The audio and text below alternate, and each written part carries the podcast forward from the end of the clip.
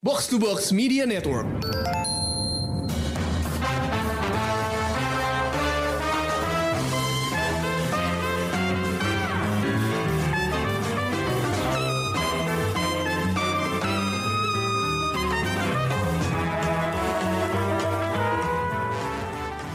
Pendengar Showbox, ketemu lagi bareng gue Amy dan hari ini gue mau ngebahas sebuah film cantik, artistik, dan diskoring dengan sangat indah dari Korea Selatan. Judulnya Decision to Live. Tentunya sutradaranya tuh terkenal banget. Uh, sutradara ini gak cuma bikin Old Boy, tapi juga salah satu film thriller favorit gue, yaitu Stoker. Ini adalah film Park Chan-wook. Dan bareng gue udah ada dua fans Park Chan-wook lainnya nih, Bunga sama Krisna. Halo. Hai. Halo. Hai Bunga. Hai Chris. Akhirnya kita mau membahas film ini ya, guys. Uh, setelah uh, kalian nontonnya juga rada lama nih, nggak kayak broker ya. Layarnya sedikit banget. Bioskopnya jarang, nggak ada yang dekat rumah. Itu Jadi dia. Mesti banget nyari ya. waktunya. Heeh. Iya, iya. Nggak Terus kayak waktu tayangnya- kemarin ya. Iya, waktu tayangnya juga cuma dikit kayak sehari tuh bisa kayak cuma dua show atau tiga show gitu. Hmm. Ya udah tapi yang penting udah nonton. Oke, uh, sebenarnya film ini lumayan unik karena yang tadi gue bilang di atas kertas filmnya tuh apik banget, sinematografinya tuh gorgeous, aktingnya keren, uh, scoringnya indah banget. Gue paling suka sama scoringnya. Tapi sepertinya nggak banyak yang nonton nih film. Uh, gue nanti bakal bahas kenapa filmnya nggak ditonton banyak orang bareng sama Krisna Bunga. Uh, tapi jelas film ini uh, menarik perhatian karena ini tuh film pemenang award yang prestigious. Uh, dia menang uh, sebuah uh, kategori prestige di Palme d'Or di Festival Cannes, yaitu Best Director. Dan sayang kalau dilewatkan. Tapi sepertinya hype-nya tuh nggak gede gitu. Jadi gue penasaran banget kenapa film ini jarang yang nonton gitu. Nah, kalau kita mau ngomongin film Decision to Live ini, pertama kita harus mengulik sinopsisnya. Karena sinopsisnya itu sebenarnya menurut gue itu agak-agak hmm, misteri. gitu. kalau menurut kalian, apa sih ceritanya dan kenapa film ini uh, buat patut ditonton gitu? Eh, Siapa duluan Chris? Sweet. ya udah boleh dulu. Eh, sinopsis ya kalau gitu ya. Hmm. Se- Sebenarnya di atas kertas sinopsisnya simple sih. Ada detektif. eh, jadi dia ada kasus tentang eh kok tentang sih kasus seorang yang eh, mati waktu lagi mendaki gunung. Eh, terus salah satu tersangkanya apakah itu kecelakaan apa bukan? Tapi salah satu tersangkanya itu istrinya dan si detektif ini malah kayak ada rasa gitu sama si Heeh, sama si istrinya yang padahal sebenarnya adalah eh, apa namanya tersangka lah gitu suspek. Intinya kan kayak gitu awalnya ya Hmm. tapi lalu ya begitu. Mana-mana ini termasuk sinopsisnya lumayan sederhana ya untuk filmnya Park Chan Wook dibilang dibanding film-film dia yang sebelumnya kan. Betul. Iya sih Tapi ya benar betul, tapi itu di atas kertas sinopsisnya aja sih. Nah, kalau gitu eh, coba dielaborate lagi Krisna. Apa Mhm. yang membedakan eh, film ini dari eh, film Park Chan Wook lainnya gitu. Kalau menurut gue misalnya kayak Old Boy itu kan udah ada eh, mangganya ya, manhwa ya. Ya, Old Boy itu dari komik Jepang bukan sih awalnya iya ya. ya kan Jadi mangga, mangga. Heeh. Jadi orang masuk ke bioskop tuh eh, udah punya apa ya? Prediksi kira-kira ceritanya tuh gimana kalau Old Boy. Sementara yang ini kan original screenplay dan kayak ini tuh ceritanya buat gue rada nggak bisa ditebak gitu arahnya mau ke mana dan itu lumayan challenging buat orang yang nggak merhatiin bener-bener filmnya misalnya nonton sambil main handphone gue rasa lo nggak bakal Bye itu sih gitu. gitu. Coba Chris.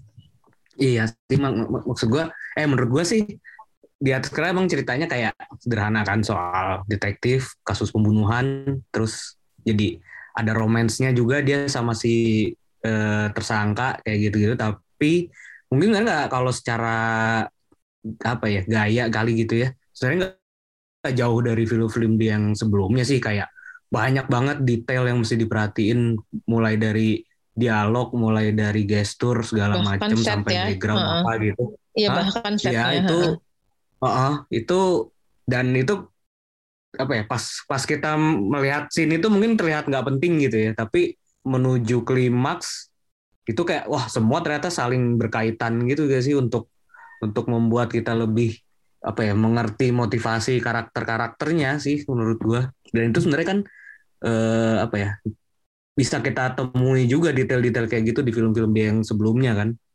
Mm-hmm. Walaupun mungkin kalau yang kayak Revenge Trilogy itu kan uh, ceritanya emang lebih apa ya lebih menarik, lebih lebih mudah untuk terlihat cool gitu maksud gue kayak kayak lebih twistnya lebih yeah. mind blowing atau gimana gitu kan. Secara style juga lebih dinamis, yeah, yeah, yeah. masih ada actionnya, masih ada komedinya. Mungkin yang ini kan lebih lebih lambat, lebih datar gitu ya. Walaupun sangat tense juga sih rasanya.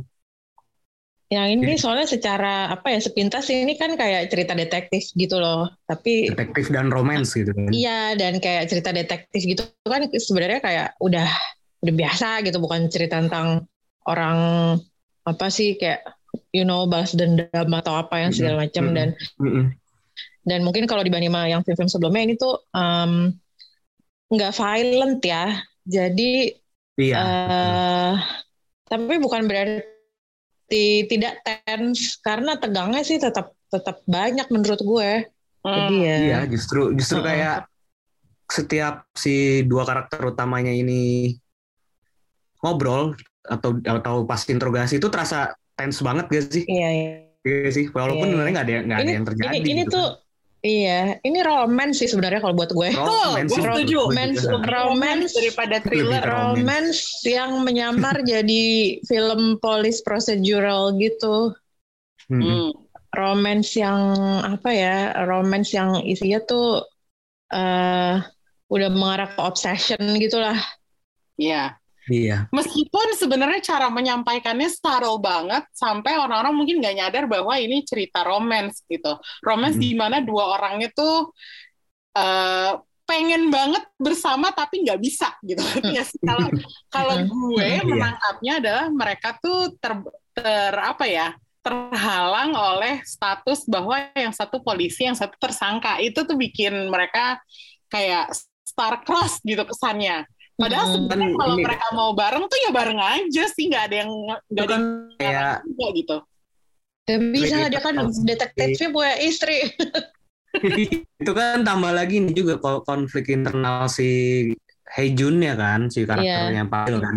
Maksudnya dia kan sebenarnya detektif yang lumayan berintegritas kan mm. dan dia kan memang sangat dedikasi dengan kasus-kasus kriminal yang dia selidiki kan walaupun mm. itu benar akhirnya kita tahu itu lumayan berdampak ke mental dia kan psikologis dia yang dia nggak bisa iya, tidur iya, kan iya. jadi mm -hmm. jadi itu sebenarnya dia terpikat tergila-gila sama si tersangkanya ini pun udah udah menimbulkan konflik batin buat dia sendiri yeah. gitu apalagi apalagi ditambah dia udah punya istri gitu kan Hmm. Karakter-karakternya kompleks ya. banget.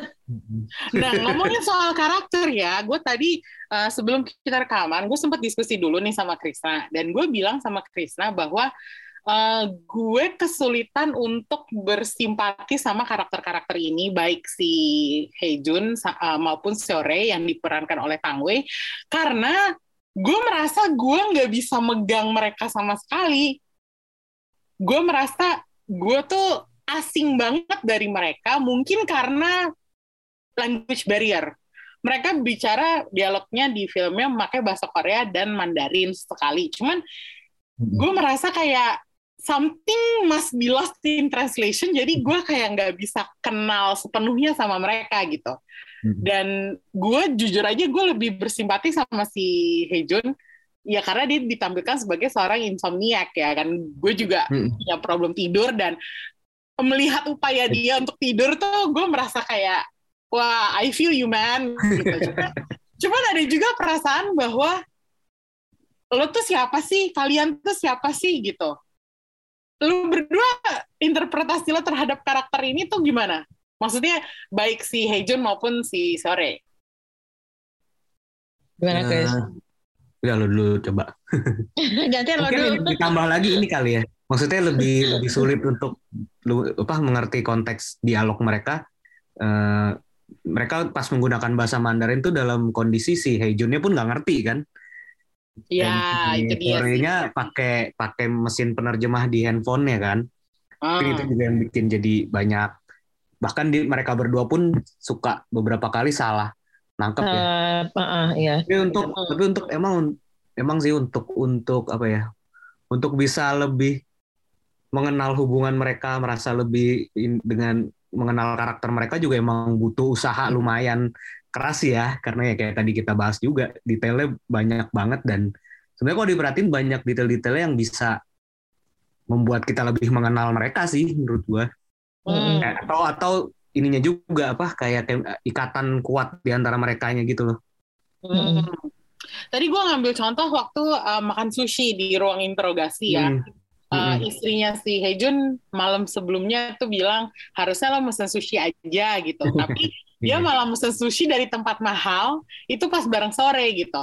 Itu udah Hmm. ketahuan bahwa betapa dia berat sebelah memihak ke sore dan istrinya tuh udah agak-agak mulai dilupakan gitu. Hmm. Jadi uh, bagian itunya gue ngerti, tapi gue takut banget selama gue nonton tuh banyak konteks yang gue miss. Karena yaitu tadi language barrier dan eh, apa ya eh, si sorenya tuh juga nggak terlalu terbuka gitu gitu loh sama si Hejunnya. karena si Heijunnya pun kan di sini dalam proses dia berusaha mencari tahu sore ini siapa dan dia Iya. motivasinya apa gitu. Sama sama kayak kita sebenarnya nggak si Heijun nggak ngertinya kan. Cuman ya dia dalam posisi yang kita bisa lihat sebenarnya dari pertama kali dia ngelihat foto si sore aja dia udah terpikat kan yang pas Hmm, iya, iya. ah, yang di yang di handphone itu terus Yang dibilang anaknya. ya dibilang anaknya gitu terus pas pertama kali ketemu mukanya aja udah langsung gimana sih ya kan Itu shotnya keren sih. iya Itu kayak muka Si, gitu ya. si Tangwei-nya belum kelihatan mukanya, tapi kita Ah. difokusin ke mukanya si Hejun. Ekspresi Kalau- kan kayak Kalau menurut gue si sorenya itu tuh eh, apa ya emang intentional bahwa dia tuh nggak bisa kebaca gitu loh. Oh, Menurut gue ya. bisa ya Hmm. ditutupin. Ya gitu. karena iya jadi kita kan sama kayak si detektif nih sama kayak si Hejun kayak apa sih eh, udah udah terpikat tapi kayak eh, ini sebenarnya orangnya kayak gimana masih masih mencoba menebak-nebak gitu kan.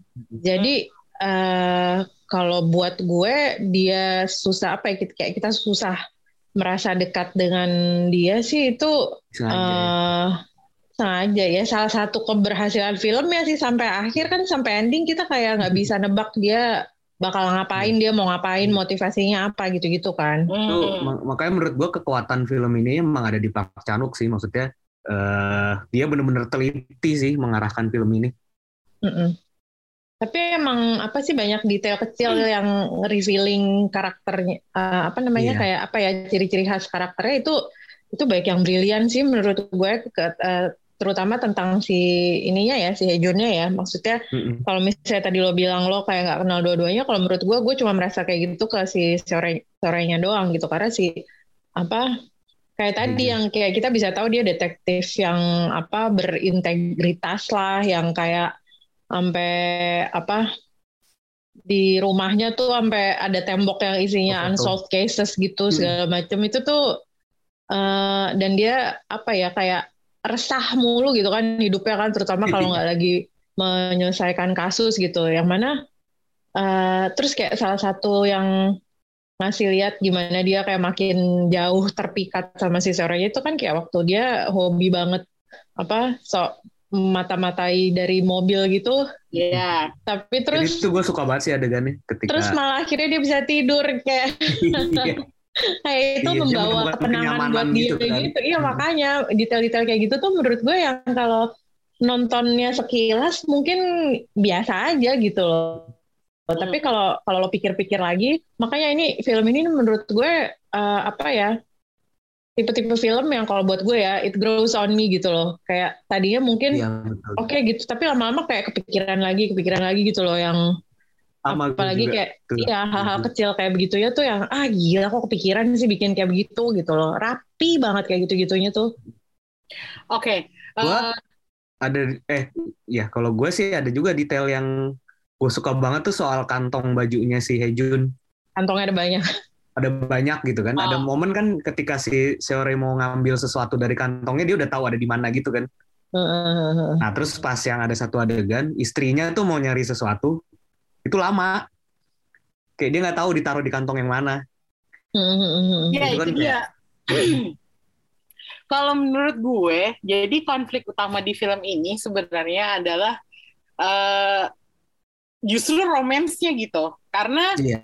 kal- kalau kalau yang eh, kita seperti kita bahas, emang ada misteri pembunuhan gitu. Cuman gue rasa itu kayak red herring jadinya. Background aja kali ya. It- itu cuman buat kickstart ceritanya doang Iya, jadinya. dan akhirnya pada akhirnya yang kita yang yang ditonjolkan di film ini highlight utamanya itu adalah yaitu tadi eh, bagaimana kedua orang ini merupakan star-crossed lover yang nggak bisa bersatu dan selamanya mereka nggak akan bisa bersatu karena masing-masing tuh punya idealisme masing-masing gitu loh punya idealisme sendiri-sendiri. Si si polisinya terlalu berintegritas nggak mau ngaku bahwa dia tuh naksir sama seorang pembunuh. Yang ceweknya juga sepertinya punya penyesalan besar di masa lalu yang dia sendiri nggak bisa memaafkan dirinya gitu kayaknya kalau gue menginterpretasikannya itu seperti itu konflik utama di film ini nah kalau lu gimana Gue ya juga mirip menganggap, sih nah, gue juga menganggap ini film romance kok. intinya ini romance Eh, iya Romance sih, tapi uh, tapi memang masing-masing punya yang- baggage Iya, Hmm. apa ya? Eh, istilahnya kali ya. Forbidden romance. ya Ya. something like that ya betul juga sih Mhm. oke Iya iya Jadi men- apa dari perspektif eh, lu berdua nggak ada yang konflik yang lebih utama daripada apa iya, ya? tentang eh, mereka berdua lah. Hmm. iya Dan itu kan kayak intinya itu ada ada momen kan sekali kayak kayak sekali kalinya mereka kencan yang di kuil Hmm. dan hujan itu. Itu kan Hmm, scoringnya cakep hmm. banget ya, ro- romantis banget gitu kan. Hmm. Tapi juga bisa ngasih perasaan yang wah ini ujung-ujungnya gimana ini gitu gak sih? Iya sih. Mhm. Iya kan? Iya. Filmnya tuh romantis banget lagi sebenarnya. Hmm. Tanpa adegan-adegan yang lovey-dovey atau kata-kata yang apa eh, menye-menye gitu ya. Iya. Cuman Bahkan menurut kayak gue bisa dibilang ini gak malah eh, ada momen-momen yang mereka sangat erotis tapi tanpa seksin gak sih? iya, Iya Itu kayak- justru itu. eh, apa ininya tuh apa namanya ya itu kan ada romantic tension, sexual tensionnya tuh berasa banget, is very palpable dan eh, apa ya justru dari hal-hal ya- yang yang kayak tadi kita bahas gitu yang mungkin sepintas kayak adegan biasa tapi kayak di sini tuh bisa jadi kayak ada muatan ininya banget apa sih kayak passionnya tuh obsessionnya segala macam gitu tuh berasa banget gitu. Itu cukup jenius sih menurut gue bisa bikin film kayak gitu tuh Dan mengenai adegan seksnya kalau menurut gue ini cukup eh, ironis bahwa yang ditunjukin having sex itu adalah si Hejun sama istrinya tapi sama Seore dia tidak melakukan itu gitu. Iya. Dan gue rasa ini lumayan bermakna ya karena Iya. uh, untuk nampilin bahwa lo bisa punya hubungan intim sama seseorang tanpa harus bersetubuh gitu intinya. Iya. Kalau menurut gue sih underlying message-nya sih itu sih. Dan kalau diperhatiin di adegan dia bersama istrinya itu kan dua-duanya kayak udah nggak passionate gitu kan sebenarnya. Iya betul, Mm. kayak udah Ah. bosen aja Iya. gitu. Mhm. Yang mana ini uh, gara-gara satu adegan itu ratingnya langsung tinggi banget ya, langsung 17 plus. Eh, iya tapi kan ya iya sih. Tan- Kayak- Tanpa itu tapi tanpa itu pun kayaknya kayak bisa- bisa ini deh kan kalau apa namanya kalau mau ngomongin yang romantis-romantisan tanpa perlu kata-kata segala macam itu sebenarnya persis kayak pas bagian mau ending yang eh pokoknya si sorenya bilang iya waktu lo bilang uh, I love you gitu Iya. terus kayak kapan gue ngomong apa I love you sama sama lo gitu terus maksudnya it's in the actions bukan di kata-kata gitu dan itu tuh kena banget sih menurut gue Mereka nggak pernah bilang I love you sama sekali ya. sama sekali pernah. tidak pernah ada deklarasi cinta dan sejenisnya tuh nggak ada Ya, Dan itu gue dalam banget sih menurut gue pas pas diungkap ternyata emang dia nggak pernah ngomongin itu gitu. Hmm. iya Iya ya. Nah, lu udah membawa-bawa endingnya gitu, jadi terus gue teringat lagi betapa confusing dan heartbreaking endingnya gitu. Eh, jadi ini kita di sini ngomong bebas ya interpretasinya tuh terhadap ending itu tuh gimana? Eh, kenapa Seore melakukan Hmm. apa yang dia lakukan? Eh, kalau menurut gue eh, dia tuh sebenarnya punya, gue nggak tahu ada baggage apa di masa lalu dia. Mungkin karena dia merasa bersalah, dia harus eh, membunuh ibunya sendiri. Dalam artian dia diminta ya, waktu kan kita udah jelas bahwa ibunya lagi sakit dan minta untuk diakhirin aja hidupnya gitu. Eh, by the way, cara dia mati itu dramatis banget ya. Kayak lu kalau mau bunuh diri ada cara yang lebih cepet kali. Cuma iya ya mati apa kayak gitu Dikit-dikit airnya gitu iya kan. itu dia kayak dia apa namanya mem- watching the sunset memilih cara yang agak complicated buat mati gitu. Cuman Itu kayak Eh. kebutuhan style itu. cuman gue jujur aja gue nggak bisa terlalu simpati sama endingnya ini ya karena itu tadi karena gue merasa masih belum kenal sama Seore setelah nonton filmnya selama dua jam lebih gitu karena tadi kan kita udah udah bilang kan bahwa karakternya dia disengaja untuk dibikin misterius Hmm. dan ambiguous gitu Mm-mm. jadi gue nggak ngerti kenapa dia melakukan melakukan itu dan gue jadinya malah jauh lebih bersimpati sama si detektif yang eh, yang dia harus nyari-nyari si cewek ini sambil basah-basahan di laut yang udah mulai pasang daripada padahal tuh dia udah udah di spotnya nggak sih sebenarnya udah udah di Dia udah kan. ngeliat, udah ngeliat kayu kan. Oh Udah iya ya ada ya Ada. gue sampai nggak ngeh Dan dia sempat kayak kejeblos gitu kan. iya iya iya udah sempat kejeblos Cuman ya siapa yang ngeduga ada di situ kan? he was standing right on top of her gitu loh. iya kan iya makanya kayak mm, Jadi bagaimana feeling kalian terhadap ending ini gitu? Tragis sih. tragis berat but somehow I think Pahit, pahit it's a fitting juga. ending karena karena dari Iya. awal juga memang kita udah tahu mereka tidak bisa tidak akan Akan bisa bersama. bersama Hmm. bukan hanya masalah karena tadi awalnya apa satu detektif satu apa, namanya uh, Tersangka. tersangka atau bahkan mantan tersangka gitu ya tapi kayak Hmm. emang ke depannya kayak udahlah kagak mungkin lo berdua bisa ini barengan gitu. Hmm. sementara kayak padahal ikatan di antara mereka tuh udah sedemikian Kuat. apa ya kuatnya gitu jadi ya mungkin ya sesuatu cara harus diakhiri dengan seperti itu gitu Hmm. Iya, setuju sih poetik banget sih Kalau menurut gue juga ini sih itu nunjukin kayak si si sore ini kan ya sekilas yang kita tahu kan dia punya masa lalu yang berat kan soal ibunya, soal perjuangan dia untuk masuk Korea kan. Eh, dia kayak maksudnya dia kan datang dari Cina sebagai imigran gelap gitu kan sampai dia harus menikah dengan suami yang abusive gitu kan segala macem. Nah itu setelah melewati itu semua, tapi ternyata dia paling berat justru saat harus sadar kalau dia nggak bisa bersama si Heijun kan. iya dan Nah, kayaknya itu- jadi ya udah dia udah nggak punya apa-apa lagi nggak sih Nah itu jadi kayak menurut gua ya sepatah hati itu sih jadi sampai akhirnya maksudnya hal-hal yang udah pernah dia lewatin tuh ternyata dia masih kuat tapi yang ini justru jauh lebih berdampak untuk dia gitu loh. Atau mungkin ya akumulasi juga jadi kayak emang dia ngerasa udah hidupnya udah terlalu bahkan untuk urusan romance aja dia kayak merasa putus asa gitu. Jadi ya udah gitu. Jadi menurut gua kayak gitu sih makanya terasa sangat menyesalkan tragis tragis.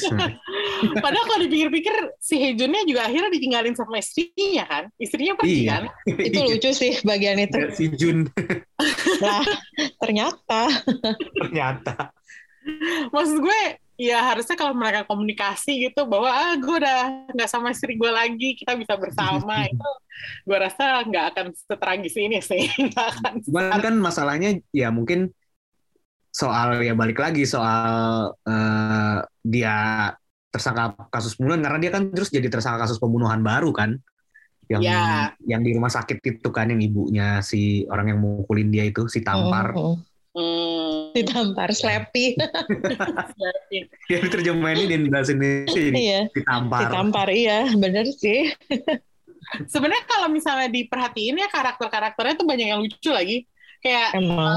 eh, ya yang di luar mereka berdua tuh lucu-lucu sih sebenarnya. Iya, gue nggak menyangka itu sama sekali karena pas gue nonton gue bak gue kira ini bakal dark banget atau kayak serius banget tapi ternyata gue lumayan banyak loh momen-momen gue ketawa dan terkikik gitu loh kayak hihi gitu dan apa namanya ini eh, jujur sama sekali gue nggak sangka gitu Itu Lo kan ada lumayan gitu? lumayan gayanya Park Chan kan sebenarnya ada ada momen-momen apa ya Cuil-cuil gitu. yang tak terduga yang karena situasi jadi terjadi hal yang konyol gitu kan Hmm. jadi ya ya terasa cukup menyegarkan sih tapi Iya, iya. Oke. Gue nggak tahu kalau misalnya eh, ini film nggak banyak yang nonton karena orang takut, nggak paham, atau trailernya kurang menarik atau gimana, dan plotnya kurang menjual atau bintangnya Hmm. kurang terkenal atau gimana. Tapi kenapa ya film ini ini sepi banget gitu? Gue bahkan broker kemarin lebih rame masih Iya, gue jujur gue nonton bareng Ulil. Gue nonton sama dia di CGV eh, siang-siang jam 2 eh, itu cuma bertiga gitu. Maksud satu gue, satu studio iya satu studio cuma bertiga gitu. Lo Ulil sama yang muter film ya? Gue Ulil sama satu orang lagi sih, gue gak tahu siapa. Eh, operator ya? gue tapi gue merasa sepi gitu. Biasanya kalau gue nonton sebuah film meskipun bioskopnya kosong gue nggak pernah merasa sepi. Tapi ini tuh berasa sepi banget kayak kering gitu garing gitu. Menurut menurut kalian eh, kenapa film ini nggak nge-hype? Contohnya seperti broker gitu Broker ada Ayu soalnya. broker ada Ayu kebantu Eh. iya, itu udah ngebantu, ngeboost banget. Heeh. Ya nggak sih? iya Heeh. bener banget Terus- lumayan Hmm, tapi Kalau- gue nggak nggak tahu deh kalau di Korea sendiri si Park Chan Wook tuh statusnya gimana sih celebrated juga Iya, kan? Maksudnya kayak kayaknya dia dia nggak sebesar Bong Joon Ho sih masih tapi iya sih ya kayak sutradara apa ya kebanggaan. film terkebanggaan mereka gitu tapi kan Iya iya. film-film dia kan Tapi film-filmnya cenderung art housey gitu ya, iya, nggak nggak kayak Bong Joon Ho yang masih masih lebih lebih populis. ah, lebih maksudnya secara The Host gitu kan salah satu film terlaris gitu kan Iya iya iya. Filmnya lebih kayak film box Handmaiden- office gitu ya. Handmaiden laris sih seinget gue tapi Laris sih. memang ah, laris sih tapi kayak film Korea sih eh, negaranya laris laris ya yang sukses-sukses cuman memang mungkin nggak se nggak segede Bong Joon Ho sih kalau secara komersial lebih Kalau di luar Korea mungkin lebih ke arah film festivalan gitu model-modelnya Iya. nggak sih film-filmnya dia Nah. sama ini? sebenarnya tadi udah faktor-faktornya udah disebutin nama anda sih kayaknya semuanya itu ya trailernya Iya. emang beneran kurang kurang kurang Iya. menjual ya maksudnya kalau lo nonton trailer ya, terutama yang diputer di CGV, uh, Mm-mm. trailer dari CBI itu, mm-mm. ceritanya kurang jelas maksudnya tuh apa gitu. Kayak iya kita nggak tahu cerita ini mau mau arahnya ke mana. Jadi orang nonton juga, ah jadi gue nonton apa nih gitu. Ada Iya. kesan seperti itu dan uh, mengenai pemerannya, ya kalau menurut gue nama-nama mereka kurang menjual. Iya. Park Hae-il kan nggak banyak main drakor di sini. Kan di sini kan yang lebih populer aktor-aktor dari Korea kan yang di drakor gitu kan. Hmm, Nah, si Park Hae-il kan bukan bintang drak. iya sih. Terus durasinya tuh panjang. Jadi kali orang kalau nggak terlalu ini kayak udah gentar dulu duluan gitu yang eh Panjang dan 100. lambat lumayan. iya berapa sih Dua nggak nyampe lebih, dua dua- setengah dua sih setengah. tapi Dua tapi hampir lah ya hampir dua setengah deh dua jam 20 menit kalau nggak salah. Nah iya hampir hampir dua setengah kan. Maksudnya Tapi kayak Gua Dan Park Chan juga di, di sini kan nggak terkenal itu juga gitu maksudnya. iya kalau- iya Kalau iya. di kita mungkin terasa terkenal banget karena ya kita banyak kenal teman-teman yang ngikutin film juga gitu ya. Hmm. Maksudnya kalau lo lo apa randomly ke bioskop terus pengen nonton gitu ya tanpa tahu apa-apa tentang film ini ini tidak mungkin tidak menarik sih. Posternya kan juga kayak film apa gitu nggak nggak menunjukkan apakah film action atau film apa gitu kan. Ya posternya cakep. Tapi sebenarnya kalau lo bilang gitu, gue sendiri juga nggak ngerti apa-apa lo pas gue nonton film ini. Gue nonton lebih karena gue pengen ke bioskop dan kebetulan ada temennya gitu. Jadi apa kalau nggak kalau nggak diajak sama Ulil, nggak barengan sama Ulil, mungkin gue juga nggak nggak tertarik nonton gitu. Tapi eh, pas gue udah nonton, eh, ternyata gue lumayan bisa ngikutin ceritanya yang menurut gue pace-nya enak banget nggak nggak nggak terasa lambat gue nggak nggak merasa resah filmnya kok nggak selesai gitu jadi sebenarnya kalau ada orang yang datang ke bioskop dan menonton film ini kayaknya sih mereka bisa menemukan surprisingly enjoyable untuk ditonton Iya. Tapi Kalau buat gue jujur filmnya berasa lama sih. oh berasa lama buat lo ya Uh, atau mungkin karena pas nonton gue lagi lapar ya, jadi Jadi kayak, tapi kan filmnya tuh kayak apa ya? Kayak sebenarnya kayak ada dua bagian kan, satu yang di Busan, satu yang di apa nama kotanya? Ipo apa sih? ya ya apa itu? Heeh, Hmm. gitu. Jadi kayak kota berkabut itu. Iya, gue tadinya tidak menyangka filmnya akan sepanjang, maksudnya kayak apa time frame-nya akan sepanjang itu gitu. Kalau soal pace sih ya, eh mungkin kalau lo nonton mas kayak tadi kita bahas banyak banget detail-detail kecil gitu kan, yang kalau nontonnya lu nggak fokus, nggak fokus banget, itu pasti banyak yang kelewat gitu aja dan bisa-bisa filmnya mungkin malah kayak berasa apa sih kayak lambat gitu loh apaan sih gitu. Tapi kalau eh, lo merhatiin salah satu dan kayak sambil nonton lo sambil apa picking up here and there oh ini oh ada yang gini gini gini tuh itu akan makin lama akan semakin apa ya fascinating gitu untuk untuk terus ngikutin detail-detail apa yang dihadirkan kemudian tapi kalau misalnya lo nggak pick up itu mungkin akan berasa ngebingungin gak sih iya itu dia Iya. berarti emang nonton film ini harus konsentrasinya harus penuh dan Iya. lo nggak boleh sambil mainan Hmm. handphone gitu lo nggak boleh sambil Betul. ya Mm. ngapain juga lo ngobrol di bioskop ya? Tapi kalau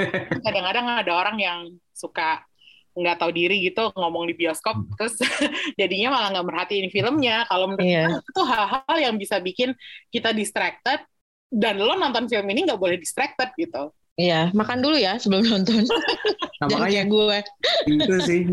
Kalau kalau gue nggak kalau gue sih ngerasanya nggak nggak kepanjangan. Maksudnya itu selain karena apa ya ya itu karena gue dipacu untuk selalu terus fokus gitu loh untuk Iya, terus itu. merhatiin nah, Heeh. terus kayak kayak jadi terikat banget gitu loh sama Iya, iya. ceritanya sama ini mau dibawa ke mana segala macam jadi akhirnya Mm. ya nggak tera buat gue sih nggak terasa lambat atau panjangan sih Mm-mm. Hmm. Kalau gue sih berasa panjang, tapi I don't mind karena ya itu tadi mas kayak banyak hal baru yang lo bisa lo temuin gitu loh. Jadi bukan Dan- Bunga- bukan kepanjangan yang dragging gitu ya?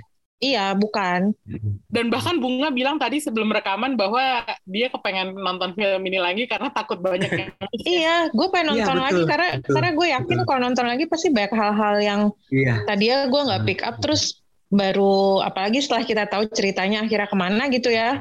Itu Hmm. pasti banyak deh dari depan yang ah ternyata gini dari awal udah gimana gitu-gitu segala macam tapi kayak Ini kayak tipe yang emang lu setiap nonton mungkin akan menemukan something new ya detail baru eh, yang kita kelewat di film pertama kali nonton jadinya bisa malah makin suka gitu. iya dan selain itu juga soalnya filmnya tuh indah banget kayak it's very poetic dan Hmm. apa ya warnanya cakep kamera Iya. worksnya banyak yang aneh-aneh terus kayak transisi adegannya tuh kayak awal-awal mungkin kayak lo bingung tapi lama-lama wah ini kok keren Yang gitu pas kayak gitu, intro loh eh pas pas dia ini sih ngamatin dari jauh itu keren sih. Tapi dia kayak berasa ada di ruangan yang sama itu kan. iya iya iya heeh. Dan gue setuju sama si itu- Amanda skor musik skornya itu juga. Oh, itu indah juga banget suka musiknya. banget scoringnya. Ya, Scoringnya tuh sangat tidak umum buat film Asia nggak sih? Iya, Kayak begitu tuh. Iya iya iya. banget. Tapi Heeh. nggak nggak over the top, nggak pretentious kalau menurut gue scoringnya. Makanya gue terhanyut oleh ceritanya sebagian Nggak, besar iya. karena karena scoringnya yang yang lumayan menghanyutkan. Terbantu ya. Iya, scoringnya bagus. Itu kayak salah satu hal yang kayak gue nyadar dari awal tuh, eh musiknya bagus, Hmm, lucu gitu kayak pas aja. Oke. Cakep lah Um, pokoknya filmnya. Oke nih sekarang gue mau Kayak nanya banyak banget yang bikin naksir. rekomendasi Park Chan Wook lainnya dari lo berdua apa? Oldboy nggak usah lah ya. ya? Kalau dari gue Stoker ya, soalnya gu- itu pertama Apa? kali? Stoker. Film Oh Mr. Stalker yang film justru Ya, film bahasa Inggris dia ya. Ya, film Mm-mm. bahasa Inggris dia yang naskahnya ditulis oleh none other than Iya. Wentworth Miller. Wentworth Miller. Soalnya di situ eh, apa ya? Itu itu juga lumayan menyakitkan endingnya buat gue, tapi ini menyakitannya tuh Itu bener- disturbing banget. Iya, disturbing banget sih. Dan penampilannya Mia Wasikowska di sini lumayan ini banget apa kayak nge menghanyutkan gue banget gitu. Dan itu Jadi- kan kayak film pertama dia setelah itu ya, setelah Wonder, Alice in Wonderland kali ya. Si Mia. Si Mia, oh iya iya. tahu. Ya, I'm not hmm. mistaken iya. Hmm. Jadi di sini wah ternyata kemampuan akting dia tuh di atas rata-rata gitu dan uh, jujur aja sih penjahatnya itu siapa Matthew Good itu disturbing sekali Oh, sih iya, iya. kalau menurut gue gitu. Creep Kalau dari si uncle. Apa ya? Kalau gue jujur, jujur gue sebenarnya belum terlalu banyak nonton filmnya Park Chan Wook karena aku cemen dan aku tidak bisa lihat yang terlalu violent. Terus jadi kalau yang lama-lama, yang kan lama-lama tuh juga kayak Avengers trilogy-nya kan? gitu, gue cuma nonton Old Boy doang. Hmm. hmm, Apa? Filmnya juga terlalu, Iya, kayak terlalu banyak. Heeh. Dulu juga Old Boy bisa nonton karena waktu itu kayak gue masih kuliah itu udah lama banget kan kayak sama sekali belum ada hype-nya kayak sekarang gitu loh. Jadi gue nggak tahu itu film apa, cuman dibilangin sama temen gue, "Eh, ini Keren. keren banget nih film nih. Terus kayak ya udah gue dipinjemin, terus gue nonton sama bapak gue, ya Allah, traumatis banget anjir. Terus iya kayak terus kayak begitu cerita mulai ada gitu, oh my god, masa mau gue matiin atau apa kayak oh my god itu benar-benar kayak pengalaman yang tak terlupakan. Nontonnya. Makanya, abis kan nonton di rumah terus bapak gue toto ngikut gitu. Terus yang ya Allah, ya itu maksudnya tapi kalau misalnya gue tahu ceritanya akan yang kayak very bloody and violent gitu, mungkin gue gak akan berani nonton sih. Cuman emang di luar violence-nya emang dia ya ini sih kayak eh, salah satu ciri khasnya seperti yang kita- tadi udah bahas tuh emang apa ya kayak baik detail-detail kecil yang rapih banget di build up gitu, terus kayak warna-warna filmnya tuh Cantik. selalu cakep. heeh. Itu kan juga Stoker tuh warnanya sebenarnya mirip-mirip sama si Decision to Live kan Ya, kayak betul. apa sih Oh, hijau iya, iya. hijaunya lah, kuningnya, ungu kayak kayak warna-warna apa ya? Warna-warna musim gugur nggak juga sih apa ya? Pokoknya itu kayak eh, trademarknya tuh selalu ada. Tapi kalau misalnya dari yang gue udah nonton apa ya? I don't know, maybe hand apa? Dan Maiden. Kok gue lupa judulnya? Dan Handmaiden? Hmm. Iya, Handmaiden ya. Heeh. Iya. Ya itu kali itu fakta banget sih. itu kan Tapi itu dari kan? novel Iya, adaptasi novel, novel Eropa, apa kan? namanya? Novel Inggris kan, ha. Ah. Dan gue sebenarnya udah udah tahu cerita novelnya pas sebelum nonton itu, tapi tetap aja ternyata uh, ada yang beda gitu ceritanya. Dan pas nonton juga tetap ah apa ini kali ini gue nontonnya sendiri. Nggak sama siapa-siapa cuman paling itu sih. Hmm. Stoker juga keren walaupun nontonnya juga ngeri Hmm. tahu apalagi ya apalagi Chris yang lo suka apa Kalau kalau gue sih sebenarnya paling suka simple ini sih. Dulu Old Boy gue nontonnya di di Metro TV itu. dulu Metro TV kan sempet ada masanya kalau weekend itu ada World World Cinema gak sih inget Oh, kalau weekend ya. Iya itu tahun berapa ya gue masih kuliah. Iya, ingat Gitu. ingat gue. Nah itu ada Old Boy dan di situ gue baru pertama Ingat kali ingat ingat iya, iseng gitu kayak buset walaupun itu banyak sensornya jelas ya tapi pas Hmm. kayak itu ya itu pengalaman yang wah gila nih film gitu jadi ya sebenarnya favorit gue ya Old Boy sih tapi Iya selain sih. itu mungkin yang bisa ini kali ya yang bisa lebih mudah ditonton sekarang tuh di Netflix ada ini sih Sympathy for Lady Vengeance sih film ketiganya Ah. yang Oh, ada ya. trilogi. Nah, Avengers itu Trilogy, juga. walaupun menurut gue itu yang paling lemah sih di antara Revenge Trilogy tapi tetap keren sih Hmm. itu kan ada Choi Min Sik juga di situ terus ini kan kayak balas dendam eh, karakter perempuan kan perempuan yang balas dendam Itu karena dia udah nggak di sih penjara gitu kan Hah? kenapa di penjara ya? Ya di Iya. penjara kan. Itu violent gak, Chris? Hmm, nggak terlalu sih ah iya Ya, Nggak terlalu sih. ada aja. nggak terlalu gue sekarang itu gue sekarang udah cemen banget soalnya teret darah gue. Nah, kalau lu bisa Old Boy mah ini pasti bisa lah. Old boy pas masih muda, Chris. Sekarang udah tua kayaknya udah Udah. udah banyakan tutup mata ntar gue nontonnya. Tapi penasaran sih. Ntar coba ya. sebenarnya uh, pernah pengen nonton itu serialnya dia juga yang dia sutradarain The Little Drummer Girl dari John le Carré. Tapi sayangnya, Itu udah di mana sih? nah itu dia gue tidak bisa menemukan uh, streaming yang resmi. Gak ada Jadi, ya di Indonesia. ya. uh, jadi kayak ya gue cuman berhasil nonton streaming ilegal sekali dan gue merasa ah ini nggak enak nih nontonnya kayak gini gitu jadi akhirnya nggak nggak gue lanjutin gitu cuman eh, sebenarnya itu semua enam enam episodenya disutradarain sama dia dan Hmm. sebagai sebuah uh, cerita John le Carré kalau menurut gue dia cocok sih untuk the spy apa ya Hmm. The spy world dan interpretasinya terhadap dunia mata-mata tuh bagus juga kalau menurut gue. Dan ya itu penuh detail dan segala macam jadi sayangnya gue belum sempat nonton lengkap aja gitu. Padahal sebenarnya bagus. Susah soalnya. Susah. dicari. Mm-mm. iya itu dia. Kadang-kadang sometimes ya lo harus Iya, iya dia kan bisa dibilang film awalnya kan emang spionase gitu-gitu juga kan. Join Iya. Security Area kan. Mm-mm. Uh, Itu itu gue udah nonton tapi udah lama banget sih kayak ceritanya udah nggak inget tapi kayaknya bagus ya. Lee Byung Hun sama Song Kang Ho kan ya kalau nggak salah.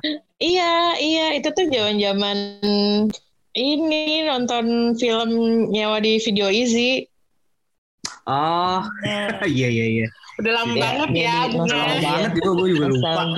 Apa itu video easy? Itu era-era ini juga itu kan era-era sinema Korea baru bangkit kan 2000 Iya, awal. ha-ha, emang kayak gue inget udah nonton sih dan waktu itu tentunya nggak tahu siapa itu Wook kan. Cuman gue mukanya masih kayak bagus, Stephen Chow. tapi to be honest I don't remember. Iya gue juga. Iya. gue inget Song Kang Ho mukanya masih mirip ini Stephen Chow. Ya Allah Iya, iya, masih muda banget ya kan. itu film tahun 2000 sih Iya. Hmm, oh my god, 22 tahun yang lalu. aduh ketahuan lagi deh umurnya Ah, Oke, yaudah nih kita kasih rating aja film Decision to Live. Uh, kalau dari gua 4 bintang. Hmm, Kalau gue antara 4 sampai empat setengah, gue tuh masih kadang-kadang masih mikir gitu loh, suka mikirin filmnya yang kayak ya gitu lah, kayak belum bisa menetapkan secara oke segini gitu. Pokoknya antara 4 dan empat setengah lah. processing terus ya. Iya, Gue juga kadang masih suka mikirin film itu sih. makanya kayak kayak berasa harus nonton lagi paling nggak sekali gitu. Iya, itu dia. Kayak filmnya tuh bener-bener bikin mikir banget ya. Dan Heeh. mikirnya tuh bukan cuman kayak apa sih merenungi apa nasib karakter-karakternya, tapi dalam arti dalam arti kita tuh sebenarnya what did I watch gitu. Iya, iya, iya. bikin mikir yang seneng sih nonton film kayak gini nih. Ya. Dan kalau misalnya bisa nemuin lagi nanti di masa depan di OTT gitu, pasti seneng banget. Gak ada yang ngumumin sih. Oh, udah udah. ada ya, heeh. Iya. Di itu boleh sebut merek kan? sebut aja dari tadi. Tadi, tadi Di gue udah itu. nyebut ini tuh itu yang Sympathy Lady Vengeance. Oh iya, di ini klik film kan? Klik film. Heeh. Hmm, Oke. Iya. Ya udahlah, mungkin kalau di klik film bisa lebih di pos-pos gitu kayak. Terus setiap Iya. frame-nya juga cakep banget kan, kayak ya gitu deh. Setiap setiap detiknya ini ya materi wallpaper ya. iya. Itu juga kayak wallpaper di rumahnya si Sore juga kan kayak wah itu Oh kayak iya, hidden meaning iya. gitu loh. Gua Terus nggak gua selesai-selesai kita bahas ya. Gue enggak lu gue belum tapi ngasih soal. Oh iya bener. Hah? Oh iya. Gak soal wallpaper. Tak Pernah gue baca artikel kalau si Park Chan Wook tuh emang suka banget nampilin wallpaper gitu di filmnya. iya, Oh. dengan warna-warna khasnya dia. Dia pencinta wallpaper tau. Iya betul. Asli nih obrolan udah gak jelas. Empat setengah bintang by the way. gua. Rating Chris? Berapa berapa? Empat setengah, empat setengah. Empat setengah. Oke. Hmm. Jadi eh, antara empat empat setengah is a good score. Jadi kalau misalnya Nah, lu udah. Hmm. Udah dengerin eh, podcast ini, terus masih penasaran, ah, apa sih sebenarnya kita omongin dari tadi gitu. Eh, kalau lo beruntung, lo masih bisa nonton film ini di bioskop. Segera. Segera. Iya, Hmm. karena udah ada film lain yang eh, turun. Antri. Jadi Mm-mm. eh, Soalnya filmnya cakep banget, pasti feel-nya beda sih nonton di layar yang nggak lebar. betul, itu setuju Iya, banget gue. betul. Jadi kalau Audionya misalnya- pun kan. Mm-mm. Kalau masih bisa nonton di bioskop, nontonlah di bioskop eh, di CGV atau di Flix ya. Itu sih. Yang pasti nggak masuk 21 kan ya. Enggak, enggak. uh. Oke, segitu aja bahasan kita kali ini tentang Decision to Leave. Thank you Bunga, thank you Krisna. Sama-sama. Dan kita ketemu lagi di review selanjutnya ya. Bye-bye. Bye. Bye.